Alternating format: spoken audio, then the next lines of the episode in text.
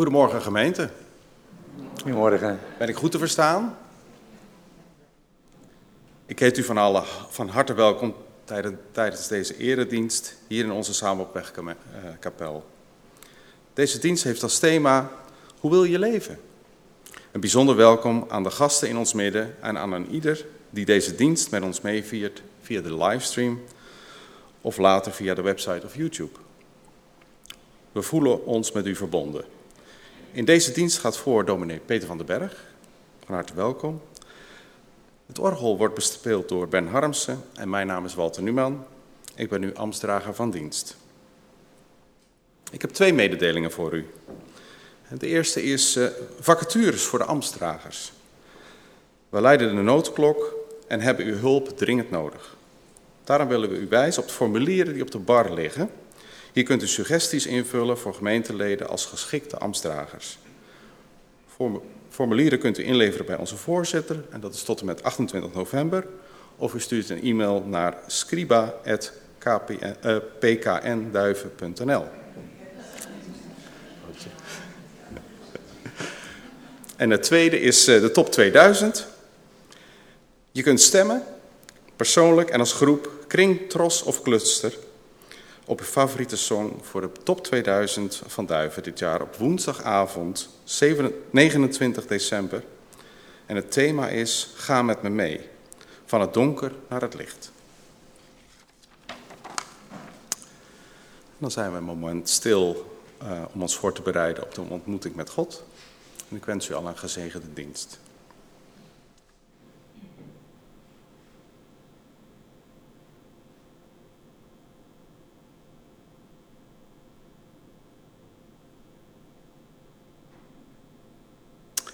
En dan zingen wij lied 283, de versen 1 tot en met 5, in de veelheid van geluiden.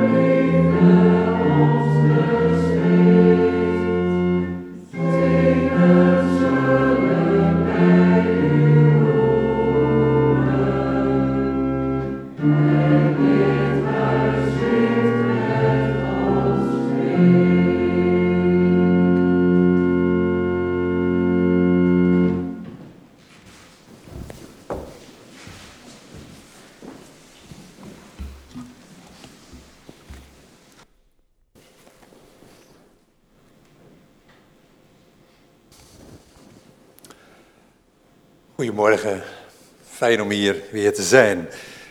Ons bemoediging en ons drempelgebed dat willen we vanmorgen samen uitspreken. En daar volgt ook gelijk het Kyrie-gebed op en ook dat is weer een samenspraak. Zullen we samen ons laten bemoedigen en samen bidden. Onze hulp is in de naam van de Heer, die hemel en aarde gemaakt heeft. Hij is voor ons een barmhartige Vader en tot in eeuwigheid duurt zijn trouw. Onze hulp is in de naam van de Heer en tot in eeuwigheid duurt zijn trouw. Hij roept mijn leven weg uit het graf. Hij maakt mijn dagen vol van geluk en als een arend herleeft mijn jeugd. Deze God beschuldigt ons niet en nooit zal hij kwaad met kwaad vergelden. Groter dan onze zonden is hij. Zoals een man voor zijn kinderen barmhartig is, zo is hij voor ons een barmhartige vader. Hij kent ons toch. Hij heeft ons gemaakt. Onze hulp is de naam van de Heer en tot in eeuwigheid duurt zijn trouw. Onze hulp is de naam van de Heer en tot in eeuwigheid duurt zijn trouw. En dan bidden wij ons smeekgebed, het gebed voor de wereld, voor de mensen die wij kennen en die we niet kennen. Heer, ontferm u over de aarde, Kyrie eleison, over de dieren, over de planten, over de zee, het land en de lucht. Laat uw hart spreken, Kyrie eleison. Ontferm u over de mensen, Kyrie eleison, over hun liefde, over hun zorgen, over verdriet van groot en van klein. Laat uw hart spreken, Kyrie eleison. Ontferm u over de wereld, Kyrie eleison, over de volken, over hun wensen, over een kind dat zoekt en niet vindt. Laat uw hart spreken, Kyrie eleison. Laat uw woord horen. Wil ons vergeven. Blijf hier aanwezig.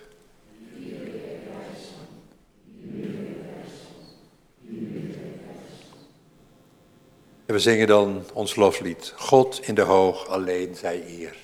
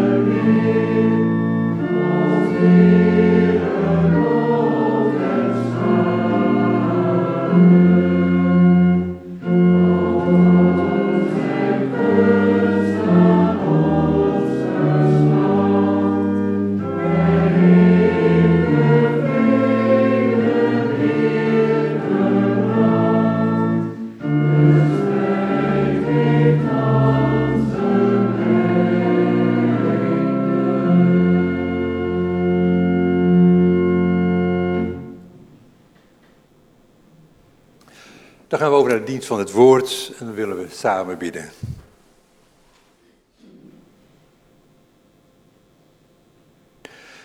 Wij bidden u, God, dat we niet terugschrikken en opzij gaan voor de gedachte en de gedaante waarin uw zoon naar ons toekomt. In de mensen zonder aanzien in weduwen, wezen en vreemdelingen, in woorden die blootleggen, in mensen achter getallen, in liefde gegeven, in dankbaarheid ontvangen. Schenk ons de moed om U te ontmoeten. In Jezus Christus onze Heer. Amen. We zingen Psalm 150.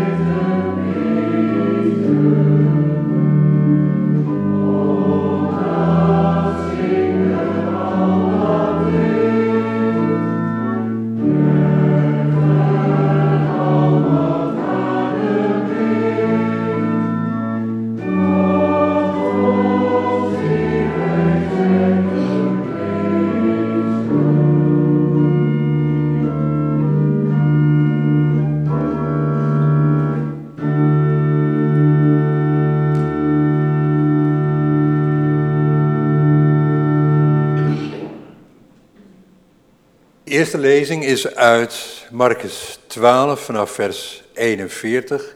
Ik lees het uit de nieuwste Bijbelvertaling. Hieraan vooraf gaat het stukje waarin Jezus de leerlingen waarschuwt voor de schriftgeleerden die in mooie gewaden rondlopen en uit zijn op het geld van het weduwen. En in dit stukje gaat het onder andere over een kwadrant. Nou, dat zal de meeste van jullie niet heel bekend in de oren klinken. Misschien van een vorige Bijbelvertaling. Maar een kwadrans is eigenlijk een heel klein muntje. Een muntje ook die de lokale machthebbers zelf mochten slaan. Dus noem het een cent of een stuiver of een dubbeltje of een euro. Heel weinig geld. Maar om het een beetje voelbaar te maken kun je ook denken van uh, je laatste 100 euro. Of misschien wat je nu vandaag in je portemonnee hebt. En de meeste mensen hebben gelukkig niet zoveel geld meer in hun portemonnee, maar als dat het laatste is wat je hebt, daar, dat is de, de gevoelswaarde van die kwadrans. Het laatste beetje. En daarna, na dit stuk, lees ik gelijk Psalm 16. En Psalm 16 is een psalm, zoals erboven staat, een stil gebed van David. Het stille gebed van David, dat wordt ook heel vaak bij Jezus neergelegd, bij, op Jezus betrokken in verschillende plekken.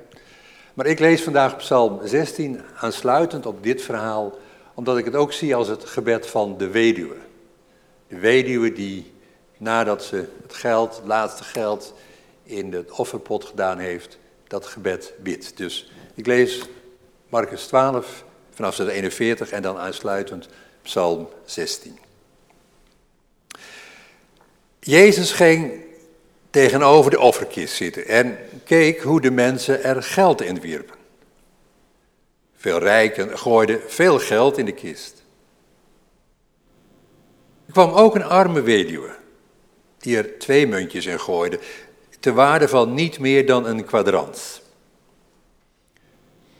Jezus riep zijn leerlingen bij zich en zei tegen hen: Ik verzeker jullie, deze arme weduwe heeft meer in de offerkist gedaan dan alle anderen die er geld in hebben gegooid.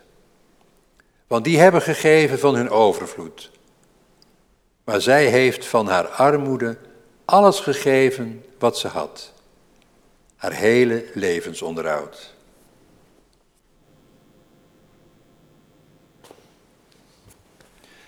Dan gaan we naar Psalm 16, waarboven staat een stil gebed van David, van de weduwe. Behoed mij, God, ik schuil bij u. Ik zeg tot de Heer, u bent mijn Heer, mijn geluk. Niemand gaat u te boven. Maar tot de goden in dit land, de machten die ik zo lief had, zeg ik, wie u volgt, wacht veel verdriet. Ik pleng voor hen geen bloed meer. Niet langer ligt hun naam op mijn lippen. Heer, mijn enig bezit, mijn levensbeker, u houdt mijn lot in handen. Een lieflijk land is voor mij uitgemeten. Ik ben verrukt van wat mij is toebedeeld. Ik prijs de Heer die mij inzicht geeft. Zelfs in de nacht spreekt mijn geweten. Steeds houd ik de Heer voor ogen. Met Hem aan mijn zijde wankel ik niet. Daarom verheugt zich mijn hart en juicht mijn ziel. Mijn lichaam voelt zich veilig en beschut. U levert mij niet over aan het dodenrijk. En laat uw trouwe dienaar het graf niet zien. U wijst mij de weg van het leven. Overvloedige vreugde in uw nabijheid. Voor altijd een lieflijke plek aan uw zijde.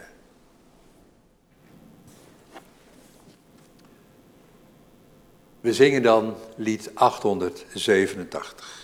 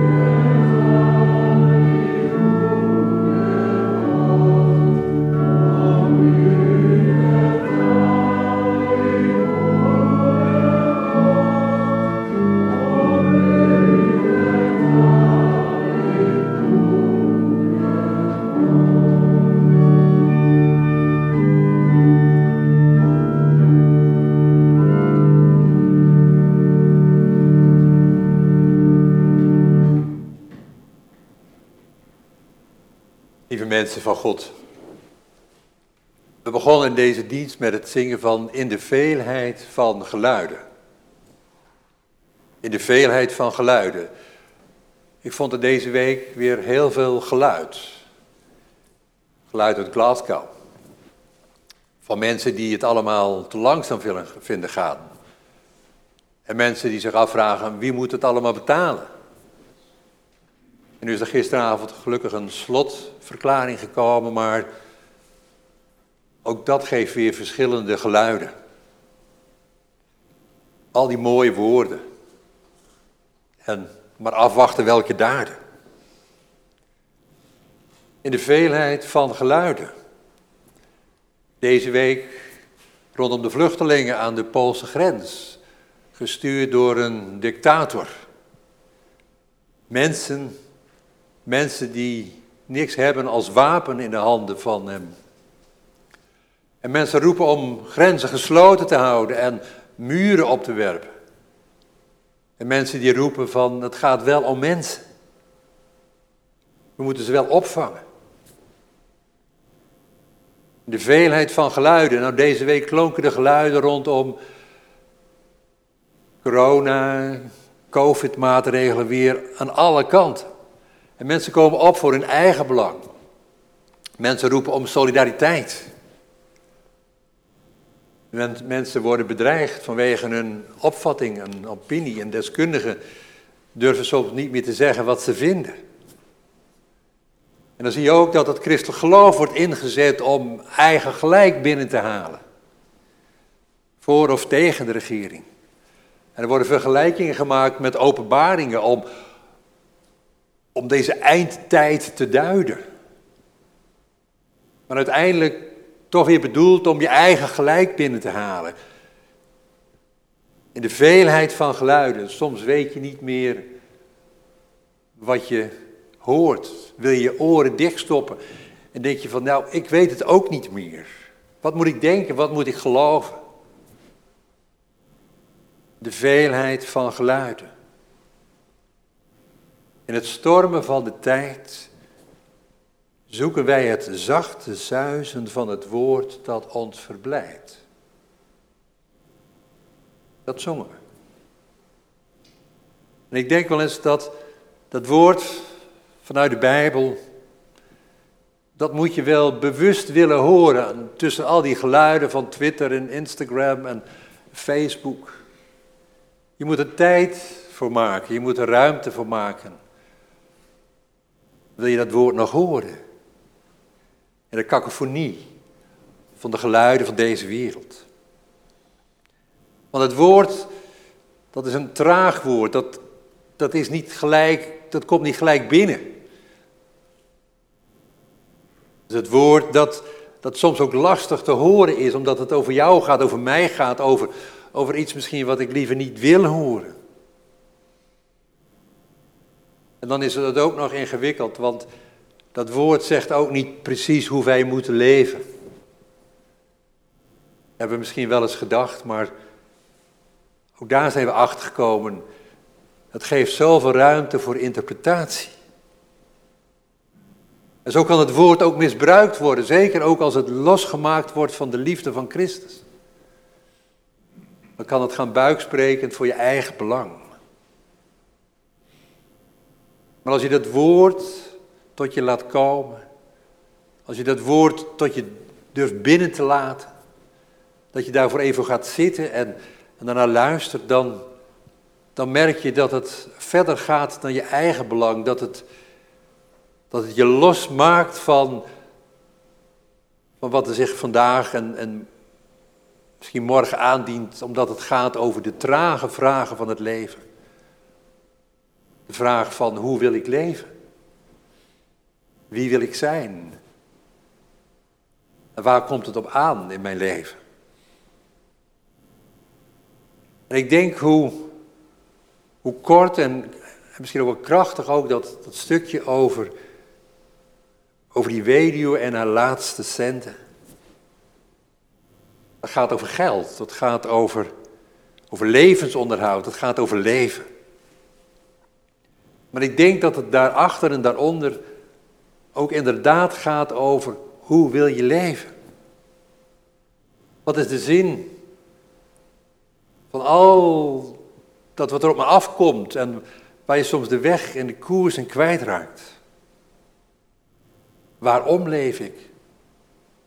Hoe leef ik? Ik denk dat in dit kleine stukje, zoals vaak in die woorden van de Bijbel, dat het allemaal bij elkaar komt. Het materiële en het geestelijke. Dan begin ik eerst bij het materiële. Want je kunt de vraag stellen, hoe komt die weduwe zo arm? Dat ze bijna geen cent heeft om van te leven. En natuurlijk ook in Jezus' tijd waren daar verschillende redenen voor. Want als vrouw alleen heb je weinig mogelijkheden om inkomen te verwerven. Je was afhankelijk voor een groot deel van de goedgeefsheid van anderen. En dat is misschien tegenwoordig wel niet anders.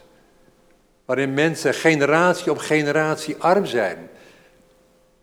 Waar ze afhankelijk zijn van waar je wieg heeft gestaan. En ook in deze tijd, onze tijd, maakt het essentieel veel uit waar je geboren bent.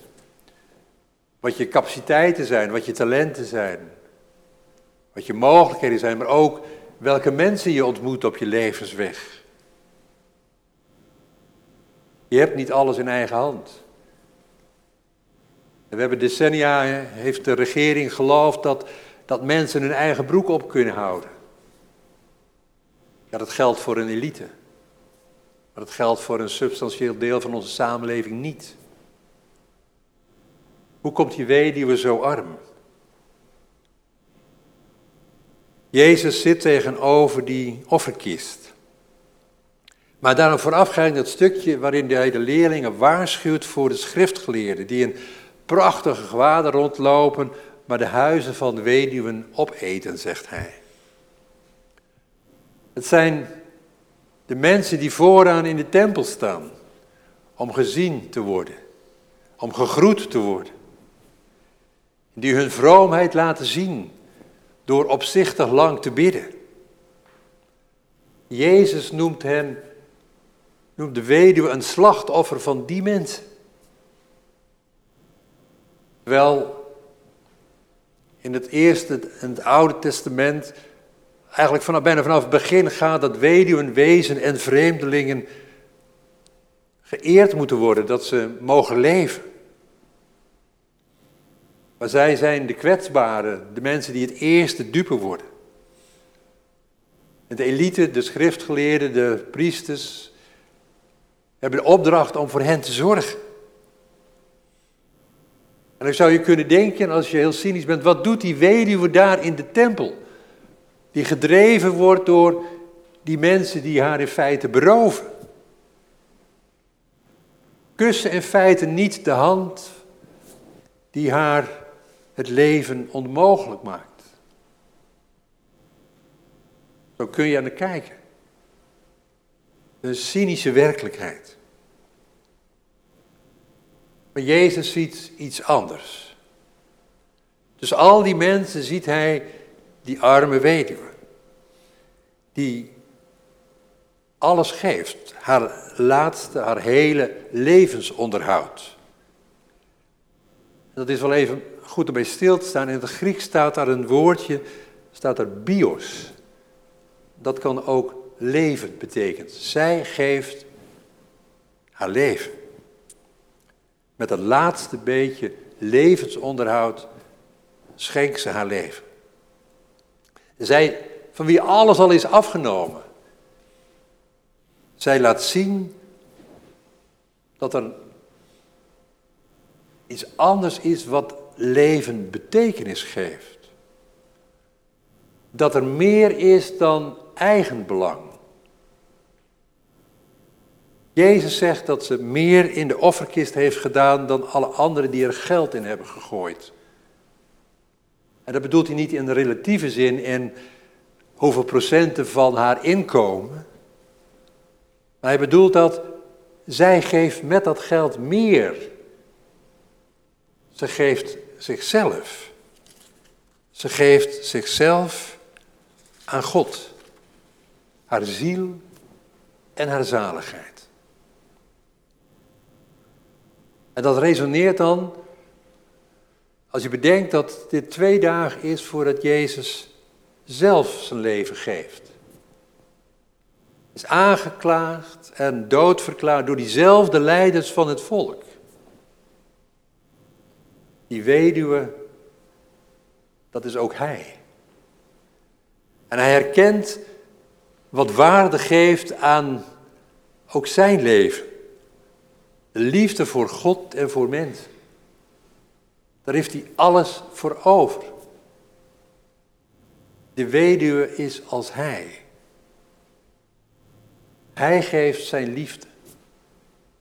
Hij geeft alles wat hij heeft voor God en voor zijn medemens. Het is bijna cynisch als je bedenkt hoe wij misschien ook wel noodgedwongen in deze samenleving alles proberen in geld uit te drukken.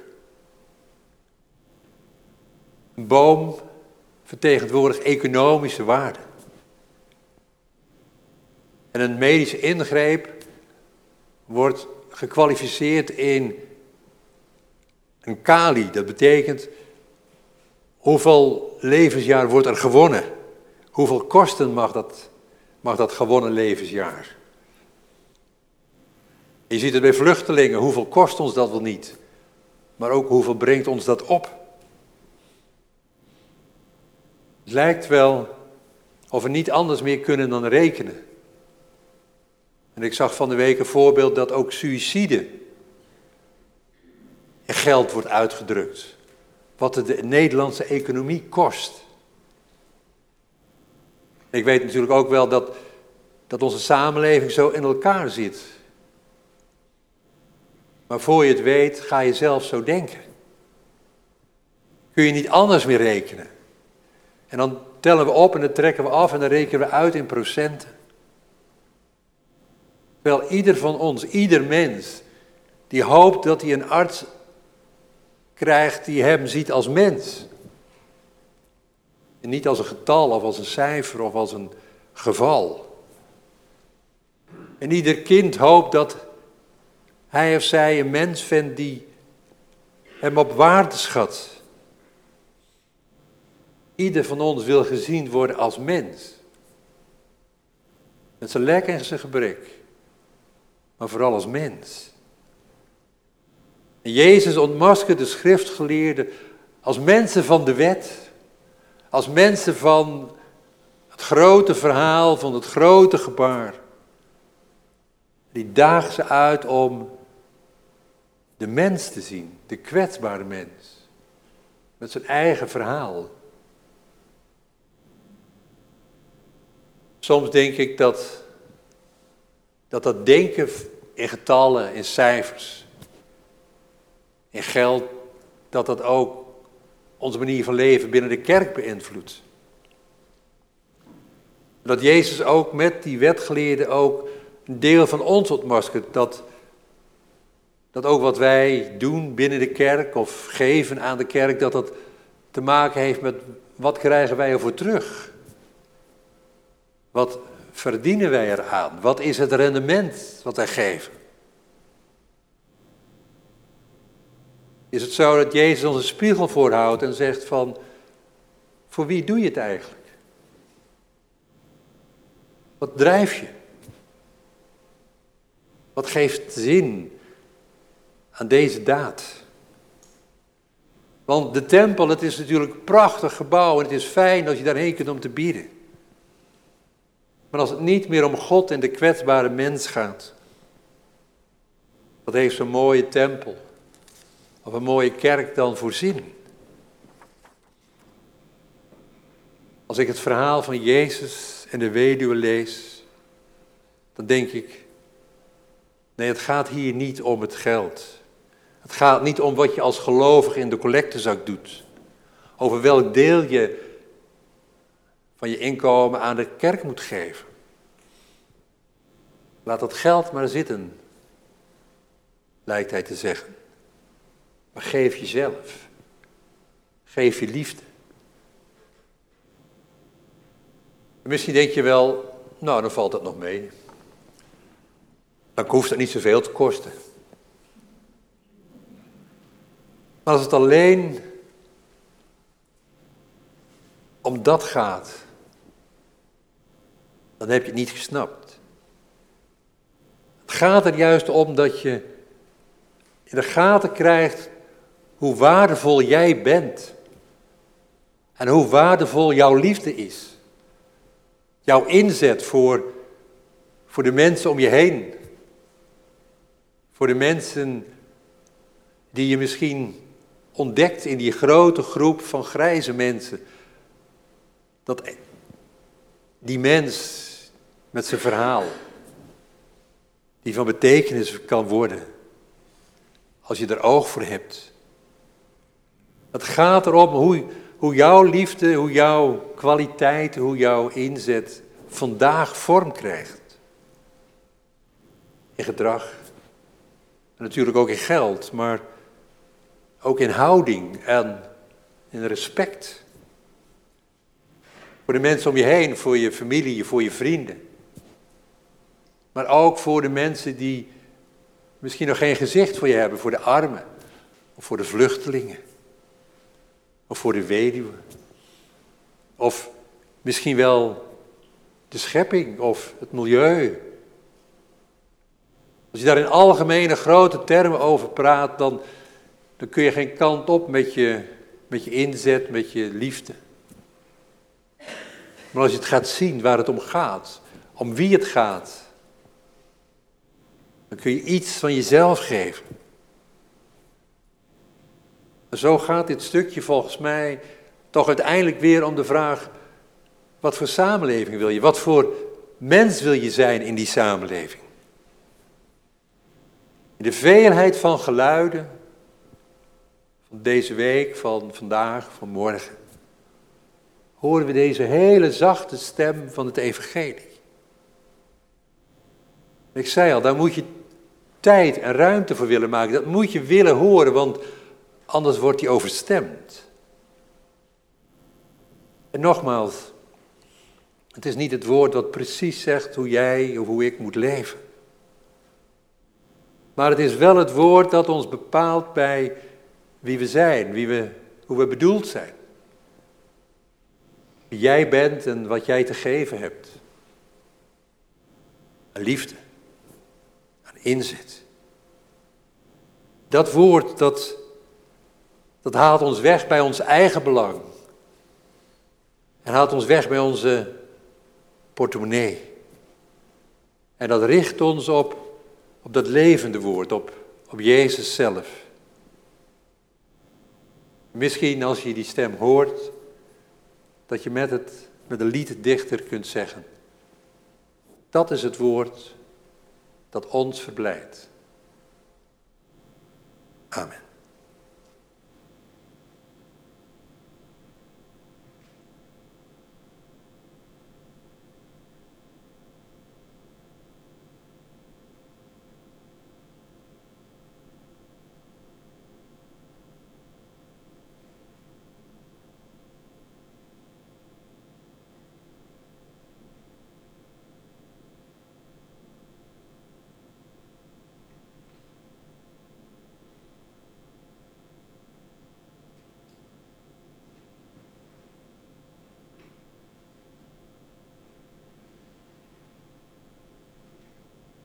Zullen we dan zo zingen, lied 912.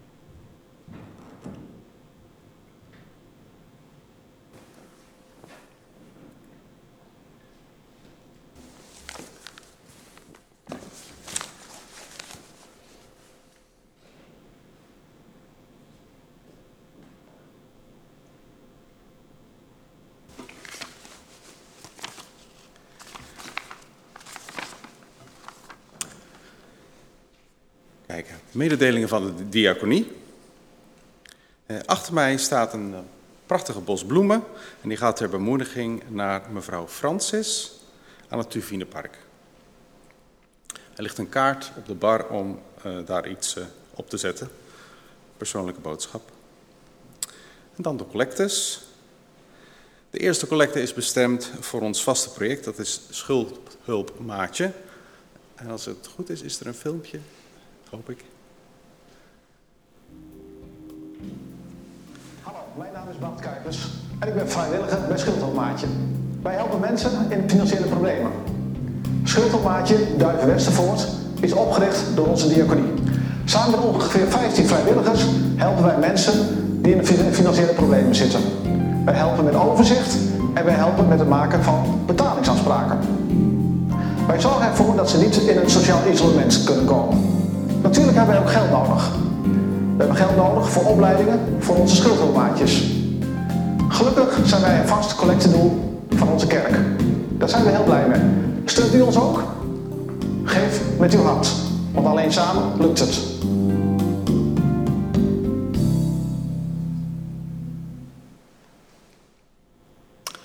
En de tweede collecte is voor jeugd- en jongerenwerk. En de collectes worden u van harte aanbevolen. Er staan bij de uitgang collecteschalen, daar kunt u doneren of via de Give It app. En uw giften zijn ook welkom via de bankrekeningnummers van de diaconie en die staan in kerkmail. Dat waren de mededelingen.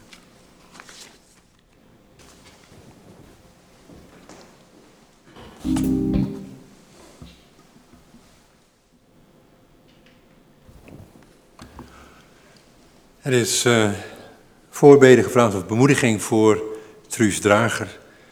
Er is me ook gevraagd om ook de, de zorg rondom de ambtsdragers ook in het gebed te verwoorden. We willen samen bidden en de gebeden iedere keer bij de acclamatie afsluiten met een gezongen acclamatie. Heer, hoor ons bidden, laat komen uw rijk en Misschien is het goed om dat eerst een keer te zingen, dat we weten hoe dat klinkt. Dus.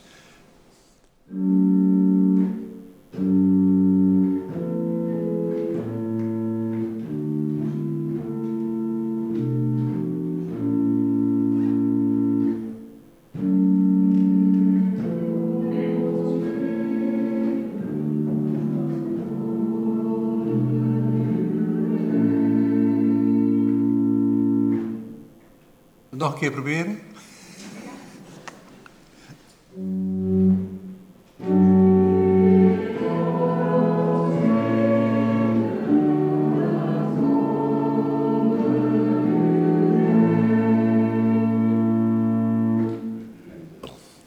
Zullen we dan samen danken en bidden?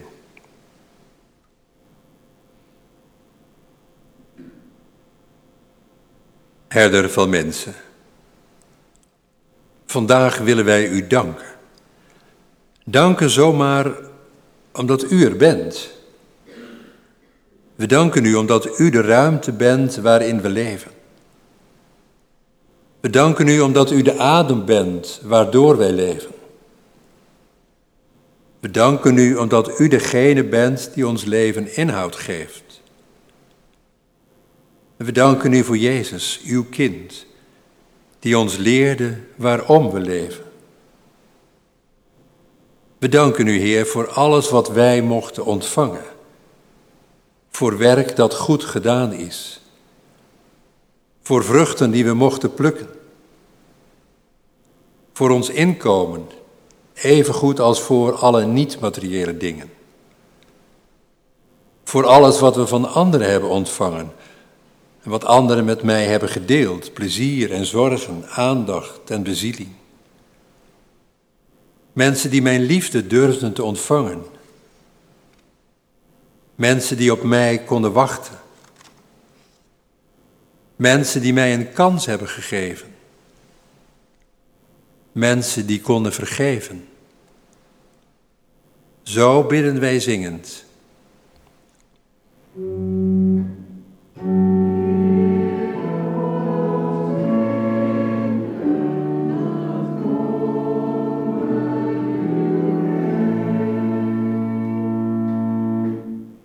Daarom, Heer, willen wij op onze beurt U vragen. Maak ons zo sterk dat we zwak durven zijn. Dat we niet bang zijn om de minste te wezen of de laatste. Dat we een ander tegemoet durven komen, omdat we daarvoor de moed vinden bij U. Maak ons zo sterk dat we onze dankbaarheid durven laten zien. En help ons om al onze zegeningen te tellen. Zo bidden wij zingend.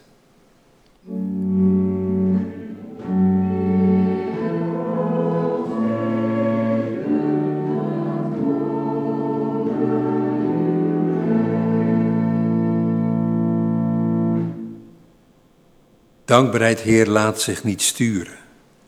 Soms is het gewoon afwezig. Soms is het verdriet en het gemis te groot, zijn de ontwikkelingen te ingewikkeld, de tegenslagen te veel. Wij bidden u voor de mensen die wanhopig zijn of moedeloos, de mensen die geen toekomst meer zien. Wij bidden u voor de mensen die besluiten moeten nemen in de crisis van natuur en milieu, van vluchtelingen en van toeslagen, van COVID en aardbevingsschade. Besluiten die veel anderen raken, nu of in de toekomst. Voor hen en hun naasten bidden wij. En met hen en voor allen die het moeilijk hebben. Hopen wij op uw liefdevolle aanwezigheid, op uw genade. Zo bidden wij u voor Truus Drager. Wilt u ook haar bemoedigen en kracht geven? Wilt u aanwezig zijn in haar leven en in het leven van allen die haar lief zijn? Wij bidden u dat uw genade elke dag over ons mag schijnen. Zo bidden wij zingend.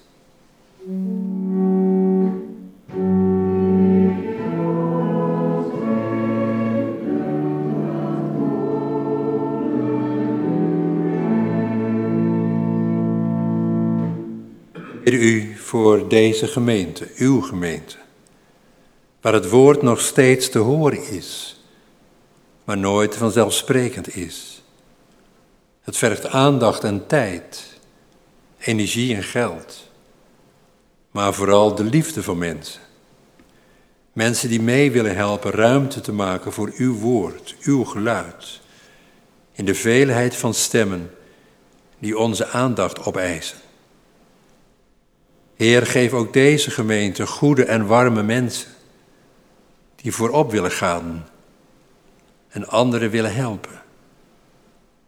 Dat zij opstaan. Zo bidden wij zingend.